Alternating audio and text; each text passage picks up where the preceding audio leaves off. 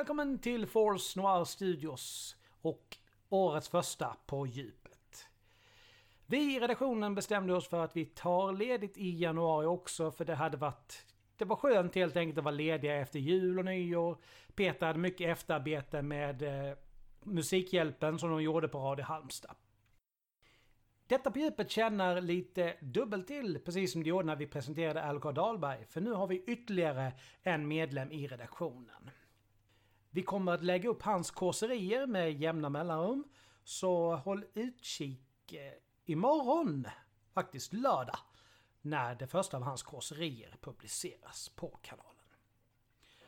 Okej, då ger vi oss ut på djupet.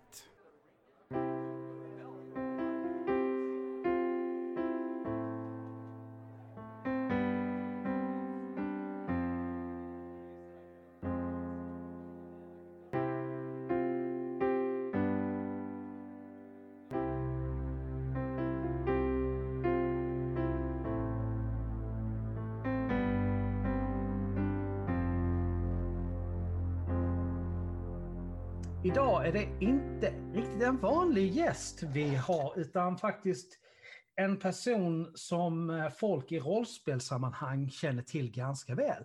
Och han är numera en eh, kugge i hjulet här på Force Noir Studios. Ni kommer kort efter att eh, detta har gått live få höra det första av hans kåserier. Jag talar förstås om Daniel Lehto. Välkommen! Ja, tackar, tackar. Uttalar jag efternamnet rätt nu? Ja, det är no no någorlunda. Det, ja. det, det, men, men jag har förstått att det är, det är inte ett lätt efternamn. Jag kan få heta allt möjligt så att jag, jag, jag brukar leva glad i alla fall. Ja, jag har fått för mig att de flesta säger bara Leto faktiskt. Ja, det, det är faktiskt många och jag har även fått frågan av, av folk om jag är släkt med Jared, om du känner ah, ja. till honom. Ah, ja. eh, vilket jag inte är då. Eh, men eh, och det var framförallt eh, för flera, flera år sedan efter jag hade separerat så, så hade jag en så här, datingprofil på, på någon eh, eh vad heter de, nätdatingsida och eh, då fick jag vid, för, vid två tillfällen frågan om jag var släkt med Jared och om jag hade magrutor. Okej, okay. bara så lite fotnot nu, bara så det vi pratar, eh, den vi pratar om är alltså Jared Leto, är den amerikanska filmkännaren, känd nyligen bland annat från senaste Blade Runner. Ja. Och eh, kom, eh, ska ju spela, spela huvudrollen i den eh, kommande Morbius. Ja, precis. Mm. Men några klar för honom. Hur skulle du beskriva dig själv för någon som inte känner till det? För det är lite grann så, i rollspelssammanhang är du ju faktiskt lite halvkändis. Men utanför det så är det kanske inte så jättemånga som känner till dig. Nej, det är inte som att folk springer och sliter i mina kläder på stan och Ja, tack för det. Det, det, ja, ja. det, brukar oftast vara rätt uppskattat när de inte gör det. ja. eh, nej, men eh, jag är väl en, en eh, norrländsk kille med båda fötterna på jorden, hoppas jag. Eh, lever uppe i Bureå utanför Skellefteå med fru och, och, två barn. Så har jag en dotter som inte bor här. Eh, och för alla som lyssnar och kanske har eh, känner till våra spel så är det ju min eh, medskapare till Sagospel Äventyr då, Julia.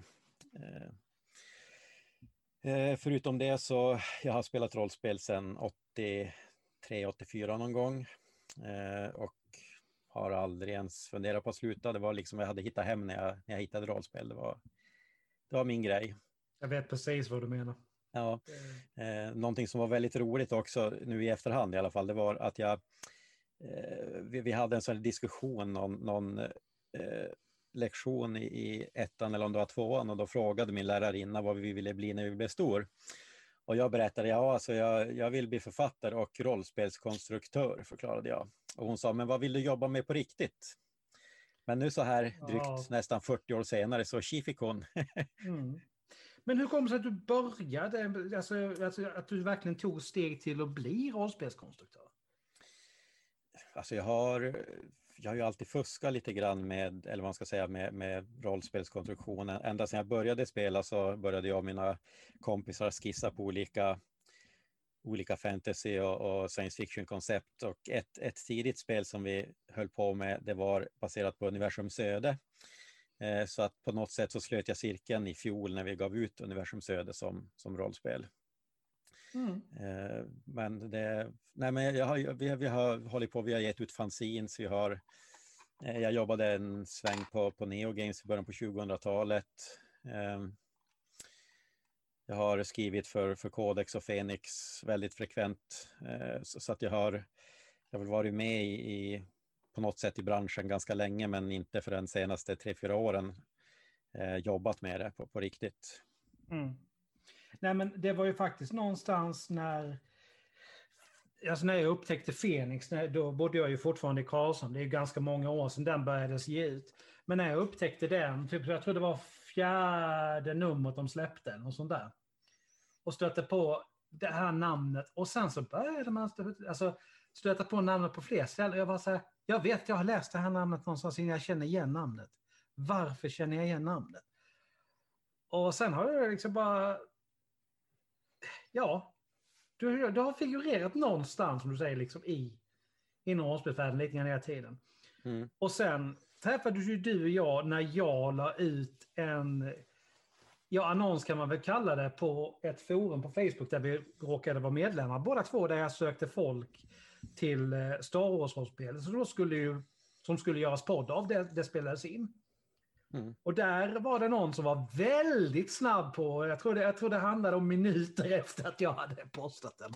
Så hade jag första svaret, jag bara jävlar vad snabbt det där gick. Ja, jag råkade sitta online och så var jag precis inne när det plingade till så jag såg meddelandet. Och Star Wars är ju ett rollspel, det kan vara mitt favoritrollspel alla kategorier. Eh, ja. Ja, det, samtidigt är det det spel som jag fått spela minst. Jag har alltid varit den eviga spelledaren.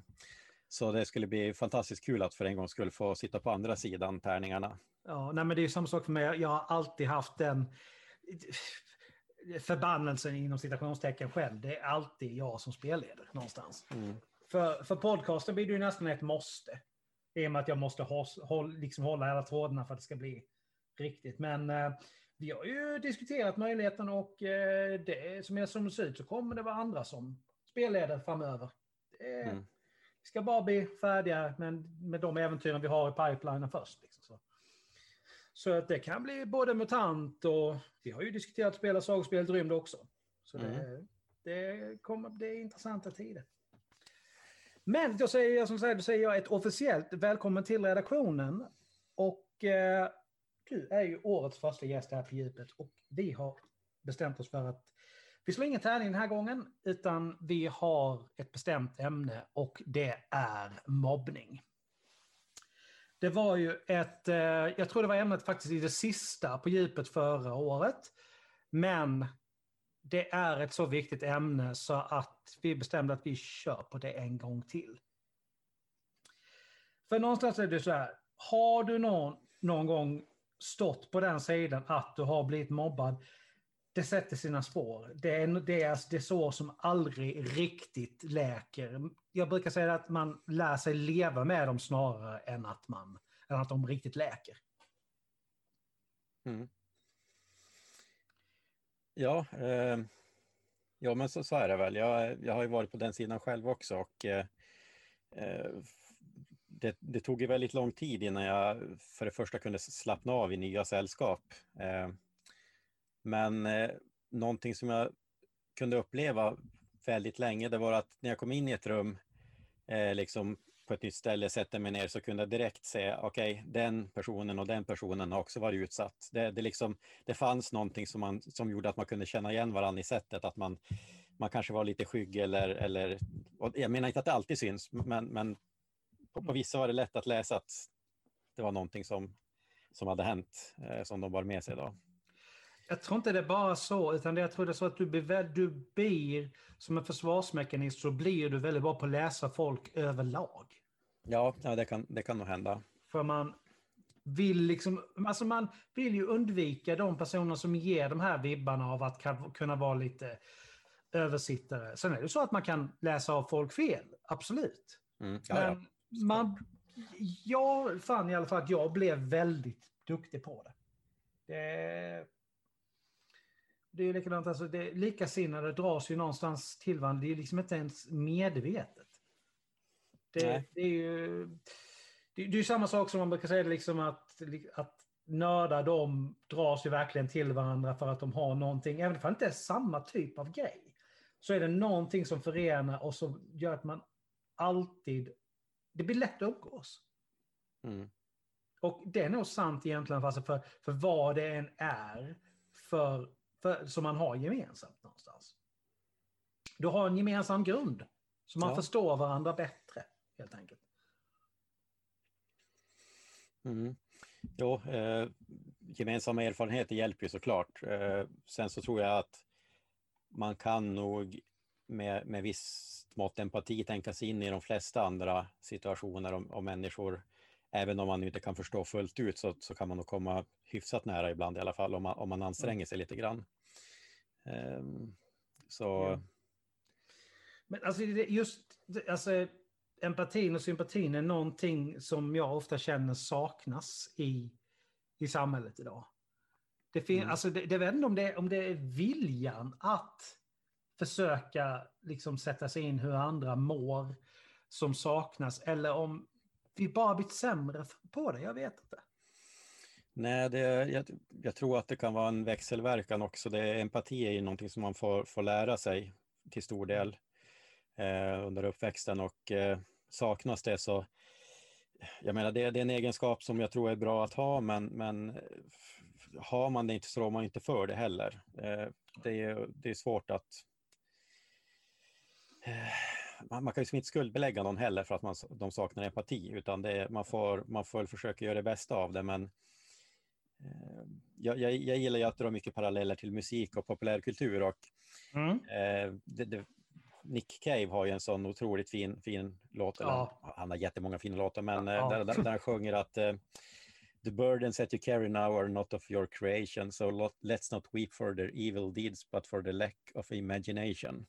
Och det tycker jag sammanfattar det så väldigt bra, att det, det, det dåliga som många gör, gör de inte av illvilja, utan för att de förstår inte att, att det, det är så här dåligt. Nej, men alltså, så är det ju. Alltså, men jag har en eh, kompis i Karlsson som jag fortfarande håller kontakt med efter all, all dessa år nu som jag ändå har bott i Stockholm. Och han sa någonting som jag tyckte var så väldigt smart. Att i vissa lägen så är, kan du lik gärna be en person, om vi då ta liksom empati, sympati i det här fallet, som saknar de egenskaperna. Du kan lika gärna be dem växa 30 centimeter. Det går inte.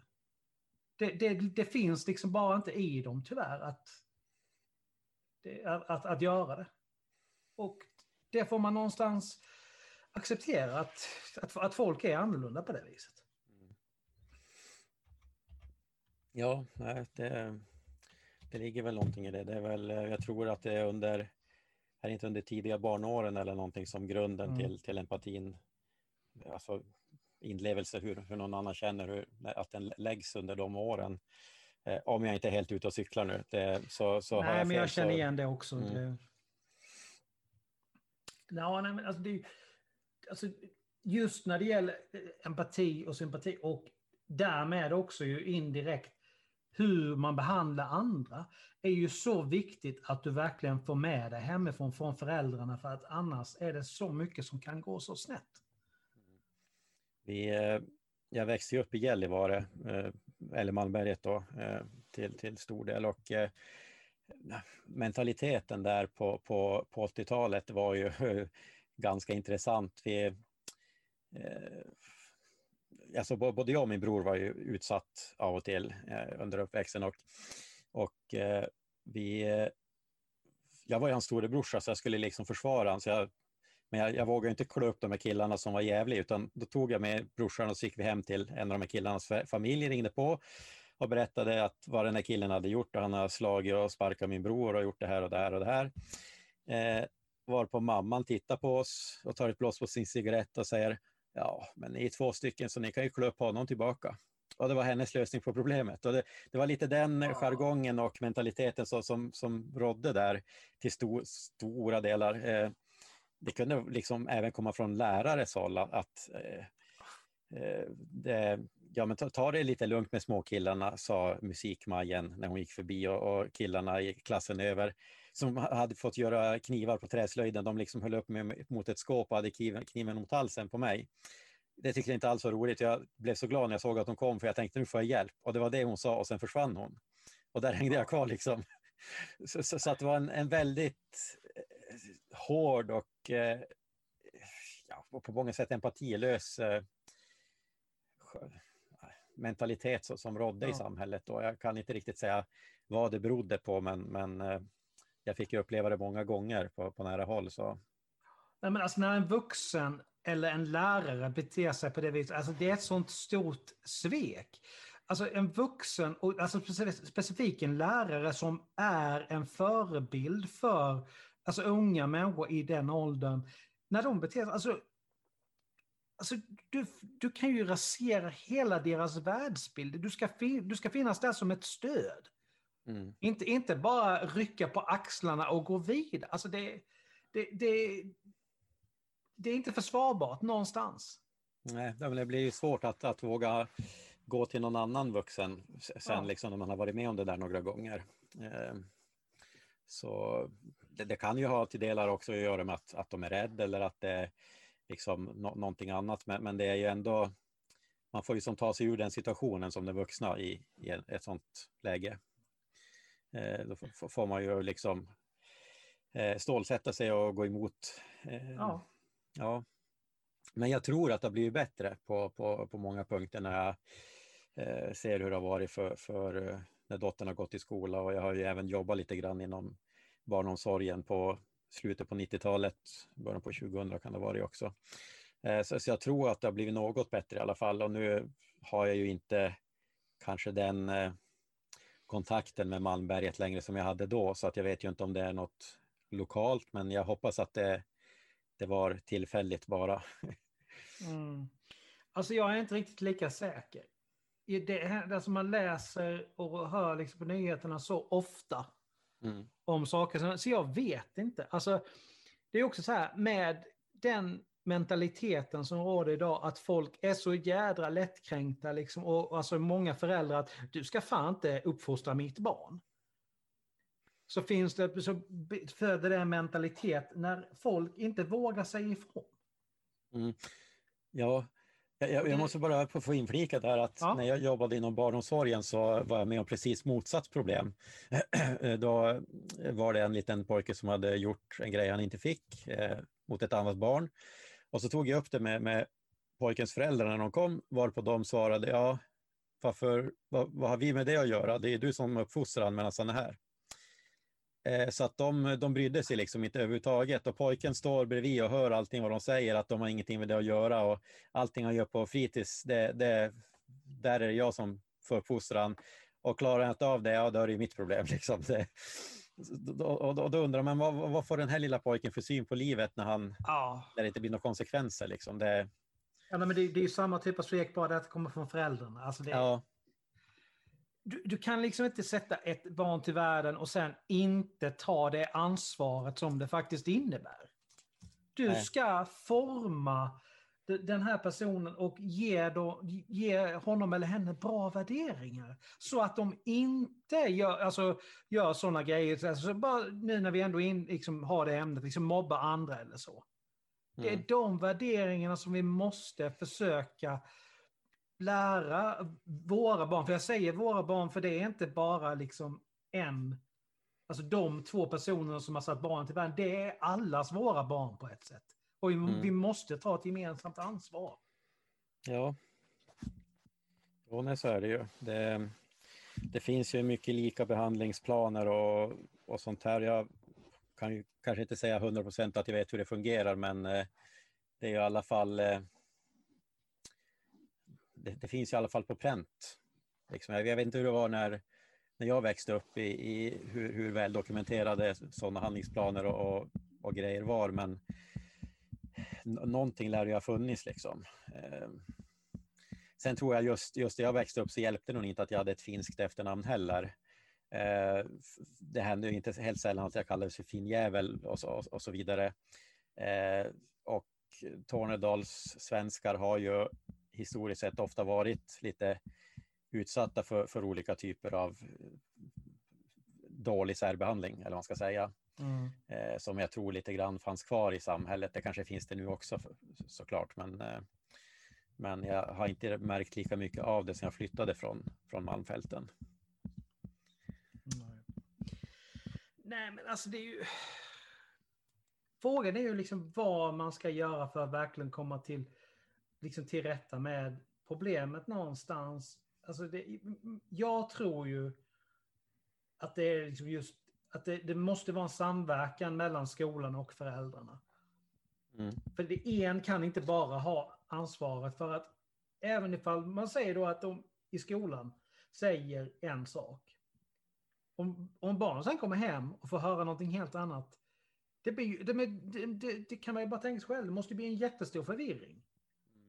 Om hur man faktiskt ska bete sig och tänkte på nu bara just det du sa, liksom att de kallar det för ingäld. För det är så här, barn kan vara fruktansvärt elaka, men de, jag tror inte att de är det alltså medvetet så egentligen, utan de gör det för att de inte förstår bättre.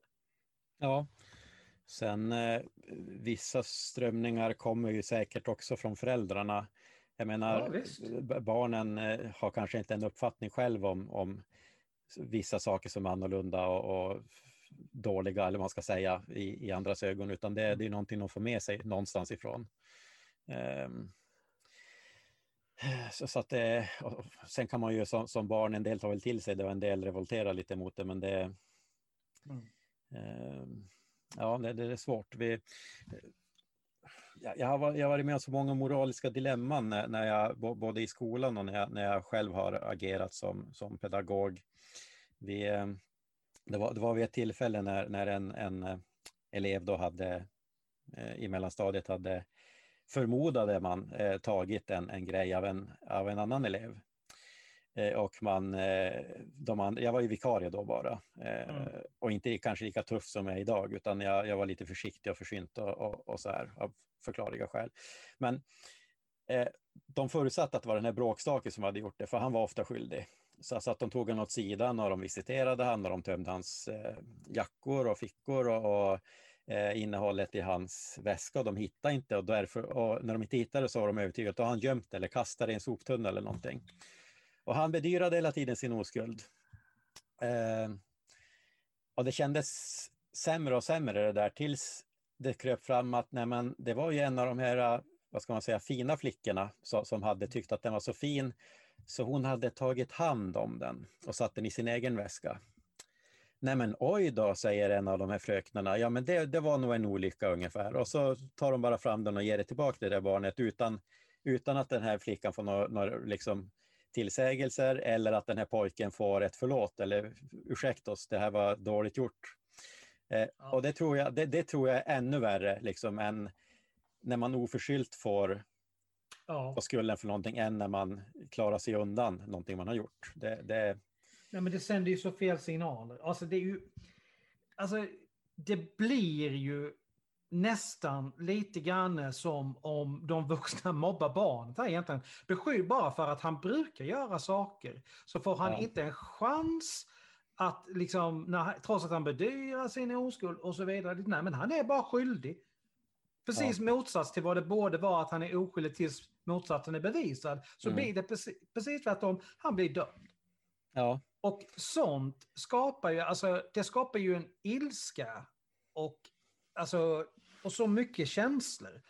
Så att, alltså det är inte rätt, men jag kan förstå hur de känslorna sen kan gå ut över någon annan. Ja, ja absolut. Det är ju inte rätt, alltså, men det, det, det, och, och, och, det där är en viktig distinktion också.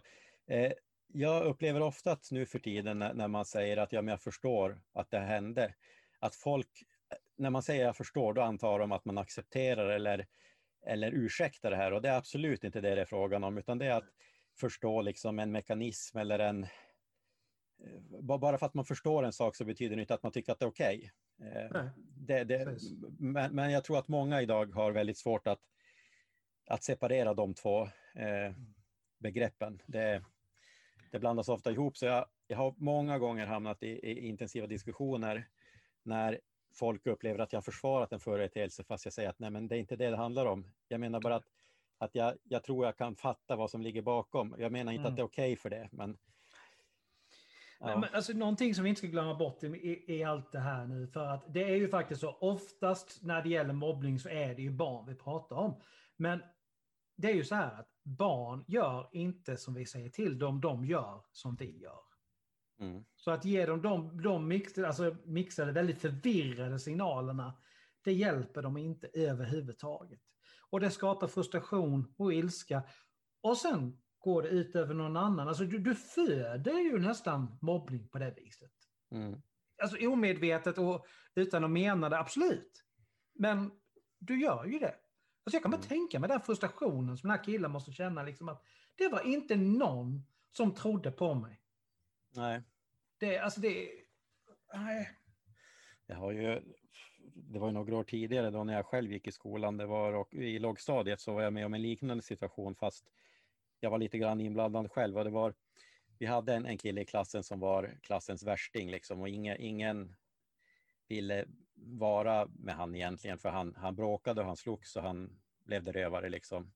Mm. Eh, men, men vid ett tillfälle så var det jag och två andra barn som, som lekte med honom på rasten. Och jag, jag kommer inte ihåg hur det kom sig att vi gjorde det. Och han var så lycklig efteråt, den här killen. Han, han var jätteglad över att vi hade lekt. Och då hade vi en sån här en liten, eh, vad ska man säga, en, en, en, liten postlåda där vi fick lägga lappar med beröm och, och annat när, när någon hade gjort något bra. Och han undrade om inte vi kunde skriva en sån där lapp, att, att han hade lekt med oss. Och jag ville, innerst inne ville jag, men jag vågade inte för jag tänkte att alla andra i klassen kommer att tycka att men gud vad dåligt och jag var redan mobbad så att jag, jag vågade liksom inte ta steget och stå för att jag hade lekt med honom. Så blir det fredag. Vågar inte, man vågar ju inte sticka ut. Nej, det är jättesvårt. Med, så, med. Det, det, ja. Ja. Men, men, det blir i alla fall fredag och eh, lärarinnan tar och tömmer den här lådan och läser lapparna och så kommer hon till en lapp och så blir hon lite tyst och så läser hon den och tittar ut över klassen och då, då är det den här killen som har skrivit en, en berömlapp att han ville berömma mig och de här två andra för att vi hade lekt med han en rast. Och hon undrar, men varför var det ingen annan av er som skrev en sån här lapp? Och jag skämdes, jag ville liksom försvinna genom golvet. Mm. Eh, där, där, jag satt. Jag, jag, vågade liksom inte titta på den här killen på flera dagar efteråt för att det, det kändes som att jag, jag visste att jag hade svikit honom.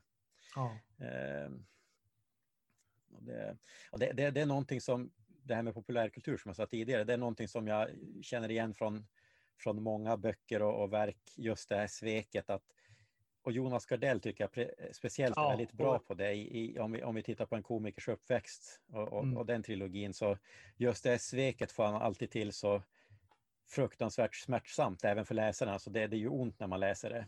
Och, men, men, han backar men Han beskriver det, det så naket. Alltså du kan ju verkligen se det framför dig och känna det. Alltså det, det ja. Han gör det så jävla bra, det gör han. Mm. Och där är det också liksom, man, man, för, man har förståelsen men man tycker ändå inte att det är okej okay eller bra, men man förstår varför det händer. Ja. Um. Nej, för det är ju någonting också som man aldrig får glömma bort. Det finns en anledning till att någon blir en mobbare. Det är ju, de har ju oftast stora problem av, no, alltså av något slag, om det är hemma eller vad det är. Som gör att de, det, är, är ett utåtagerande som egentligen är ett rop på hjälp. Mm. Men folk ser det inte. Utan de, alltså du måste ju tillrättavisa, absolut. Men du får inte glömma den biten också, att den, den här killen, tjejen, kanske allra mest bara behöver ha någon som lyssnar på honom eller henne vad det är liksom innerst inne problemet egentligen ligger. Mm. Jo, eh, nu, nu, tror jag inte att det alltid behöver vara så att man har problem hemma för att bli en mobbare, utan jag tror att att man kan antingen ryckas med eller att det bara mm. liksom råkar hända utan att man riktigt har tänkt på det. Och sen befinner man sig i en situation som man inte riktigt tar sig ur och, och ja. eh, inte Absolut. vågar backa från. Det, så jag tror inte att det är riktigt så, så svartvitt. Liksom, men, inte men, eh, alltid, absolut nej. inte. Men det är, alltså, tittar man statistiskt sett så är det ofta så. Ja, ja det absolut. Så det, men, men du har definitivt ja. en poäng, absolut. Så att nej, men det är ju... Du måste ju bena ut ett problem från alla håll. Och mm. inte bara liksom ta en del av problemet. Nej. Nej, och det, jag tror ju att ingen blir bättre av att bara få bannor hela tiden också, utan man måste ju någonstans försöka lyfta de här individerna. Men Men det är en svår balansgång också, för, för jag kan ju också tänka mig att det måste svida väldigt mycket hos den som har blivit utsatt att säga att den förövaren får, får någon form av stöd eller hjälp som man kanske själv skulle vilja haft. Eh, det, det, är en svår situation och det, det, vi, ja. vi har ju ett samhälle idag där man hellre flyttar på, på offret än på förövaren. Ja, ja. Don't get me started on that one. Nej. Alltså det, det, det, alltså det blir bara alltså det blir bara fel på fel på fel och så bara växer hela problemet. Mm. Det... Nej, det, alltså jag har ju också så enormt många liksom... Eh, jag var ju från första dagen i skolan till att jag gick ut nian. Mm. Varit i morgon, så jag, alltså jag har ju, skulle kunna fylla en, alltså på djupet själv med bara alla personliga anekdoter, liksom allting som har hänt. Mm. Ja, nej, men där har vi ju en eh, eh, liknande erfarenhet båda två för att det började i första klass och slut. Det höll inte på ända till nian för mig, det höll på till åttan för då gick killarna i klasserna över mig ut från högstadieskolan. Men eh, mm. jag var ju fortfarande inte riktigt en del av klassen på hela nian så jag var ju väldigt ensam. Eh, för, förutom att jag hängde med några andra nördar som inte riktigt var del av gänget heller men, men eh, mm. ja, det var väl på något sätt räddningen tror jag för, för min del. Mm. Ja, för min del blev ju liksom räddningen för att jag, alltså på, på ett sätt, jag började tyvärr röka. Ja, just det. För att, nej men alltså jag, det var ingen som gick ut och störde de tuffa grabbarna, tjejerna som stod och rökte. Där fick jag vara fri och så var det någon som bjöd på cigaretter och så började Ja. Sen rökte jag 15 år innan jag la av. Ja, just det. Ja. Inte rökt sen dess, men alltså det... Man försöker ju hitta en fristad någonstans. Ja. Mitt i allt det här jävla eländet som man hamnar i. Och det är inte lätt. Nej.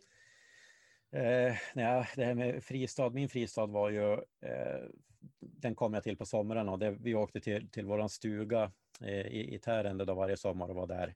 Var någonstans var du? I, Tärende, det är okay. en liten eh, by som ligger i Tornedalen, ah, eh, okay. fyra, fyra mil från Pajala. Eh, det är, min farmor bodde där och på hennes tomt hade vi våran stuga då som pappa hade byggt. Och dit åkte vi varje sommar och jag var väl som en osalig ande i hennes kök och vardagsrum. Jag, jag var där jämt nästan och hon, hon var liksom en stor trygghet. Mm. Eh, jag brukade ligga i, i soffan och hon knarrade fram och tillbaka på sin gungstol och, och berättade historier från när hon var liten och, och, hur det kom sig att hon hade kommit från Finland till Sverige och så vidare. Och det var liksom min trygghet, men, men hela vintrarna så... Det, var en sommarstuga liksom, så att det var inte riktigt boningsbart på vintern. Det, det, är klart vi var där några lov och så här hos henne, men men det var, ju, det var ju dit jag längtade alltid när det var jobbigt. Och det var nästan alltid jobbigt. Nej, jag var ju också så här, jag åkte ner och hälsade på min, min eh, farbror, Kristianstad, han och hans fru. Mm. Var jag ju ofta, alltså ganska många helger om året. När det var skolår och så där så åkte jag med min far i eh, lastbilen. Ja, just det. Så jag har ju sett många länder i Europa tack vare det. Men det var ju, också, det, ju, det var ju ett sätt att fly alltihop. Du behövde inte ja. tänka på att eh, du inte hade några, några kompisar som inte ville umgås med dig hemma eller någonting. Utan du fick, jag fick se världen istället. Ja, jo, jag förstår. Uh, det, ja, okay. det, det, kanske inte var min enda tillflykt när jag tänker efter. Jag, jag, hade en annan tillflykt och det var ju med min pappa i skogen. Han, han, eh, ja. han, han jagade, han plockade bär och han fiskade och jag var med han på liksom allt hela tiden så fort han skulle iväg i skogen. Och det, det berodde inte enbart på, på skolan utan det var att det var lite jobbigt hemma vissa saker också. Men min pappa mm. var alltid en trygghet så att, så att så fort han skulle iväg så tiggde jag till med att jag skulle få följa med. Eh, det var inte alltid att jag tyckte att skogen var jätterolig men jag tyckte det var roligt att vara i hans sällskap. Ja, nej, eh, sen i vuxen ålder så träffade jag en, eh, en tjej då som vi hängde med ett tag och hon, hon fick ju veta det här att jag hade följt med henne till skogen, men inte kanske för att jag alltid var så sugen på att jaga eller vad det nu kunde vara. Mm. Och, vilket hon berättade för honom, att han tyckte det var tråkigt att vara med dig i skogen. Vilket gjorde min far ledsen då, eh, såklart. så, så, jag undrar, men varför berättade du det där? Ja, ja, han tyckte han borde väl få veta det ungefär. Okej. Okay. Ja, nej, men alltså, någon, det var inte riktigt hennes sak att berätta. Nej, jag kände också det då. Men, eh, men det var inte, det var in, i, i och för sig inte någon större fara så, men det är klart jag såg att han blev, mm. kände sig lite besviken eller lurad eller vad man ska säga. Men, men mm. eh, vi, vi, pratade ju om det där så att det, det utredde vi ju långt innan han, han gick bort. Men, men eh, mm. just att det var ingenting som jag kände att jag någonsin skulle ha berättat egentligen. Man behöver inte berätta allt. Nej. Det är, så enkelt är det faktiskt. Det, nej men, alltså det, vi, jag är ju helt, alltså, jag tapp, nu tappade vi spåret lite grann. Jag blev faktiskt lite, uh, alltså man blir ju väldigt, alltså när man, när man vet hur det här känns så blir man alltså verkligen berörd när man hör andras berättelser, så är det. Mm. Så att, uh, uh, men när, jag försöker hitta tråden här på ett bra sätt. vi, får, vi kanske får klippa lite grann sen. Men du är ju, att vara så pass ensam som du blir när du blir mobbad. Det sätter ju sina spår som vi pratade om precis i början här. Liksom. För min del är det så här, jag har ju bara en väldigt liten sfär med folk. Nu är det ju ännu mindre tack vare liksom coronan. Men mm. en väldigt liten sfär med folk som jag umgås med. Mm. Jag släpper inte in vem som helst. Det krävs en del innan, eh, liksom innan, jag, innan jag verkligen öppnar upp på det viset. Mm. Och jag tror det blir så för många. Ja, eh, alltså utgå bara från mig själv så var det så för mig i många, många år. Eh, jag försökte göra något åt det där så att jag har gått i terapi och jag har mm. provat mediciner och, och sådär. Och eh, jag lyckades väl till slut lära mig att öppna mig och framför allt att, att våga prata om saker, vilket jag hade varit väldigt dålig på. Jag hade varit väldigt de, de, som, de som känner mig nu skulle kanske inte tro det, men jag har varit väldigt tyst och inbunden av mig. Eh, men, men eh, ja, det, det, kan vara bortåt en tio år sedan någonting som det helt plötsligt liksom var som att korken for ur och jag, jag kunde börja prata om allt. Jag kunde liksom börja umgås med folk jag aldrig hade träffat förut och det var det varit en stor skillnad för, för, för, min del. Vilket jag är väldigt tacksam för. Jag tror att jag hade turen att träffa rätt eh, terapeut som jag, som jag fick prata med. Eh, och vi, vi pratade väl, jag tror att vi höll på i en ett och ett halvt, två år någonting. Eh, inte varje vecka då, men, men ganska ofta. Så det, det, var ju, det var en lång terapisession, eller alltså, mm. ja. Men, men det, det gav någonting. Ja men det gör ju det. Man ska inte underskatta det här liksom att man har någon att prata med och oftast är det som jag sa till dig i ett annat, ett annat, eh, i en annan situation här, att det är oftast lättare att prata med någon som inte känner dig, som inte har alla delar liksom av vem du är. Mm. Jag menar, jag hade ju, det som utlöste liksom alltihop för mig var ju att det tog slut med en eh, med en tjej som jag var jättekär i, det distansförhållande, så det var väl någonstans dömt kanske att inte fungera från början. Mm. Men det tog slut och jag blev så jädra deprimerad. Jag slutade betala räkningar. Det, elen hemma var avstängd. Alltså det, ja. Eh, I det läget så är det min far som räddar mig faktiskt.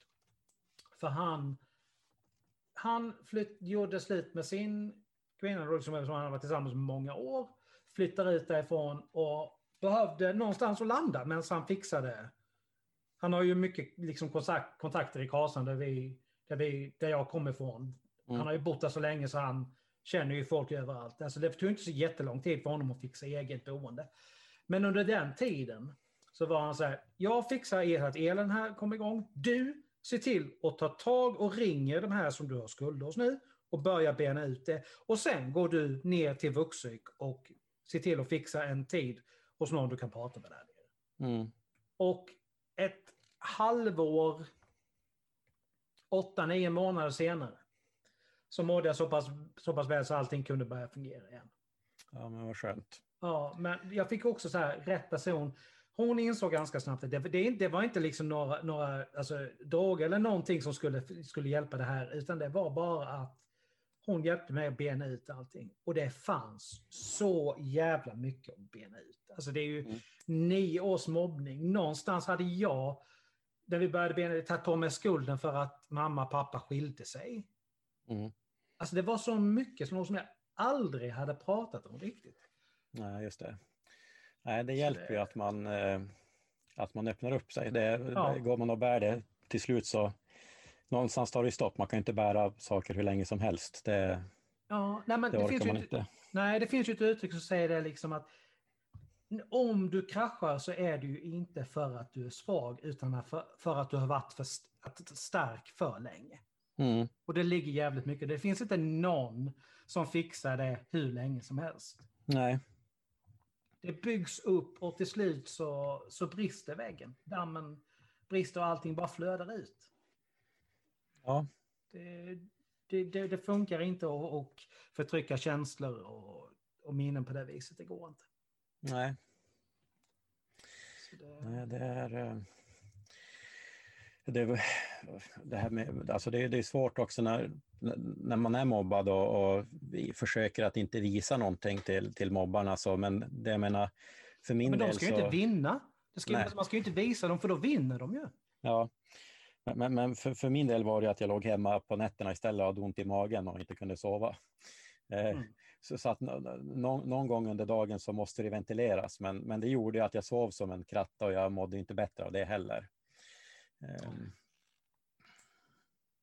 Mm. Ja, nej, det, det, det, det är tufft som fan det där.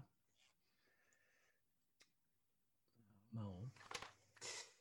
Ja, tiden går snabbt när man, när man, eh, när man sitter och pratar om viktiga saker. Det, det är så här, det här är också tänkt att det ska vara som en liten introduktion av dig så att eh, lyssnarna får lära känna dig lite bättre.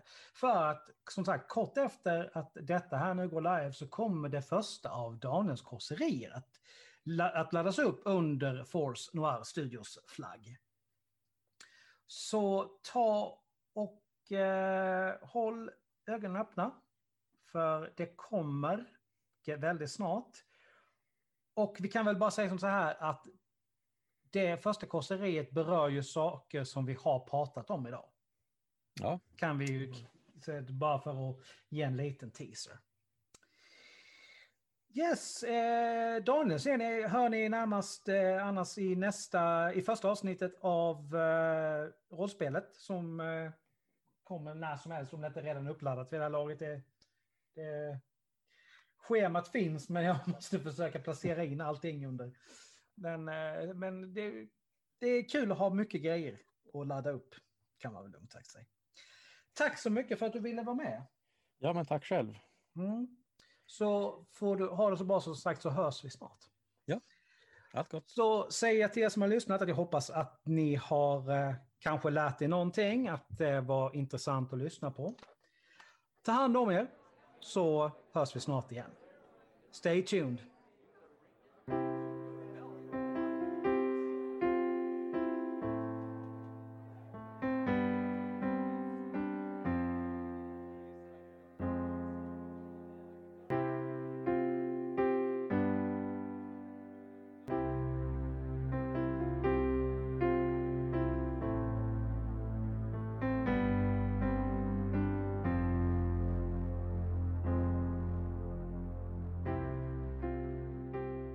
Tack för att du lyssnat på dagens avsnitt. Som vanligt är musiken i avsnittet gjord av Imaginary Stars Production. Nästa på djupet kommer om en månad.